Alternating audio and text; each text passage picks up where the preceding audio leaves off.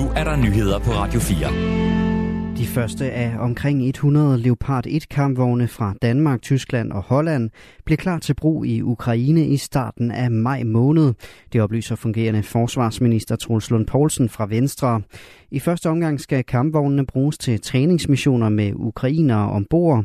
Og i går besøgte den fungerende forsvarsminister den virksomhed, der er i gang med at gøre kampvognene klar. Og på besøget fik han selv mulighed for at se kampvognene er jo også for at, have en snak øh, med FFG, som er, er den virksomhed, der, der står for at, at sætte kampvognen i stand øh, og blive klogere på, øh, hvad det er for udfordringer, de har, og ikke mindst også øh, blive betrygget i, at øh, det går den rigtige vej med at få, øh, få leveret kampvogne det vigtigste er ifølge ministeren, at kampvognene virker og kan betjenes, når de ankommer til Ukraine og skal indgå i kamp. Derfor ankommer ikke alle Leopard 1-kampvognene til Ukraine på én gang. Vi kan forvente, at vi kan levere et sted mellem 80 og 90 kampvogne her i løbet af 2023 og de vil blive leveret øh, kontinuerligt, fordi at de skal indgå i træningsaktiviteter med de ukrainske soldater, der skal benytte dem. Og derfor øh, kommer vi til at se, at de bliver leveret i en, en en lang række delmængder øh, fra omkring starten af maj og så øh, resten af året. I starten af februar meddelte regeringen, at der var blevet indgået et samarbejde med Tyskland og Holland om istandsættelse og donation af mindst 100 Leopard 1-kampvogne til Ukraine. Leopard 1-kampvognene har stået op, op magasineret, efter at de blev udfaset og erstattet af en nyere model. De fleste af os ser det som en selvfølge, at når vi mangler æg, rugbrød eller tomater, så går vi i supermarkedet og finder det.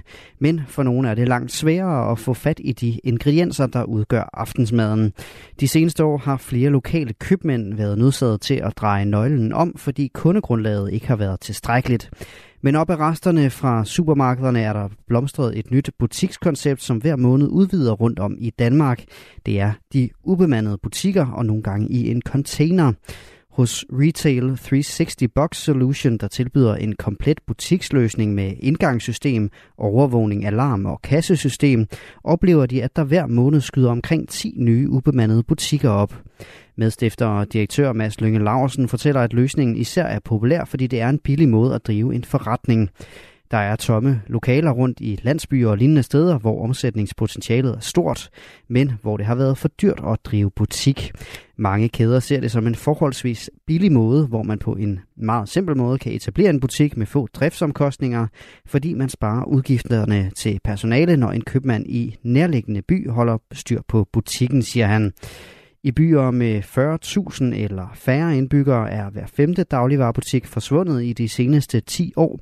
Det viser tal fra Retail Institute. 161 husdyr mistede sidste år livet på grund af ulveangreb. Det fremgår af en ny opgørelse fra Miljøstyrelsen. Malu Freimann fortæller. Det var primært for og lam, der blev bytte for ulven ved de i alt 32 bekræftede ulveangreb sidste år. Året før var der 16 ulveangreb med 78 dræbte husdyr til følge. Men antallet af registrerede ulve er også steget fra 14 til 29 ved udgangen af 2022. I Miljøstyrelsen hæfter specialkonsulent Lasse Jensen sig ved, at der ikke er registreret angreb bag såkaldte ulvesikrede hegn. Heldigvis viser årets opgørelse som tidligere år, at der ikke har været et eneste tilfælde af angreb på husdyr bagved korrekt opsatte ulvesikrede hegn. Det viser, at man i stort omfang faktisk kan hegne sig ud af problemet, og det er opløftende, siger Lasse Jensen til Miljøstyrelsens hjemmeside. Dyreholdere kan søge om tilskud til at opgradere eksisterende hegn, så de bliver ulvesikrede. Det gælder områder, hvor Miljøstyrelsen vurderer, at risikoen for ulveangreb er særlig stor. De to områder, der for tiden er udpeget som tilskudsberettiget, ligger i Vestjylland og Midtjylland. Der er etableret en erstatningsordning, så dyreholdere kan få erstatning for husdyr, som er blevet angrebet af ulve. Natten til i dag blev forhandlere fra teknikarbejdsgiverne på den ene side og Blik- og Rørarbejderforbundet og Dansk Metal på den anden enige om en ny overenskomst for landets VVS'ere. Det oplyser teknikarbejdsgiverne i en pressemeddelelse.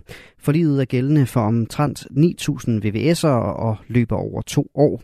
Aftalen indeholder blandt andet elementer, der skal sikre mere lige vilkår på barselsområdet og en stigning i andelen af pensionsmidler, som indbetales af arbejdsgivere. Lidt eller nogen sol, men en overgang mere skydevejr med sne eller sludbyer. Temperaturer mellem 1 og 5 graders varme. Det var nyhederne på Radio 4 med Asbjørn Møller.